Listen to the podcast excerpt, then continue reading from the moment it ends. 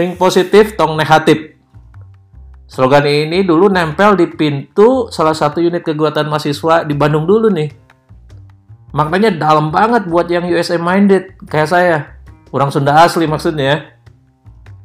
Nah, podcast ini juga pengen pakai filosofi yang sama. Jadi biar kita terbuka dengan ide baru, pemikiran baru, dan juga menjaga agar tidak banyak berprasangka. Nah, podcast ini kumpulan cerita-cerita selama saya berkarir dan sekolah.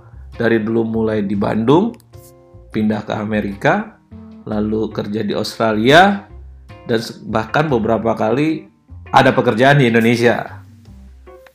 Pertanyaan yang muncul dari banyak klien, profesional, anak muda bisa bisa dikerucutkan jadi minimal dua pertanyaan. Yang pertama, prakteknya gimana? Yang kedua, mulai dari mana?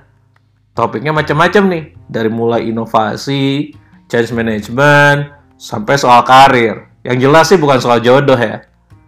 Ikutin terus podcast Think Positive, Tong Negatif.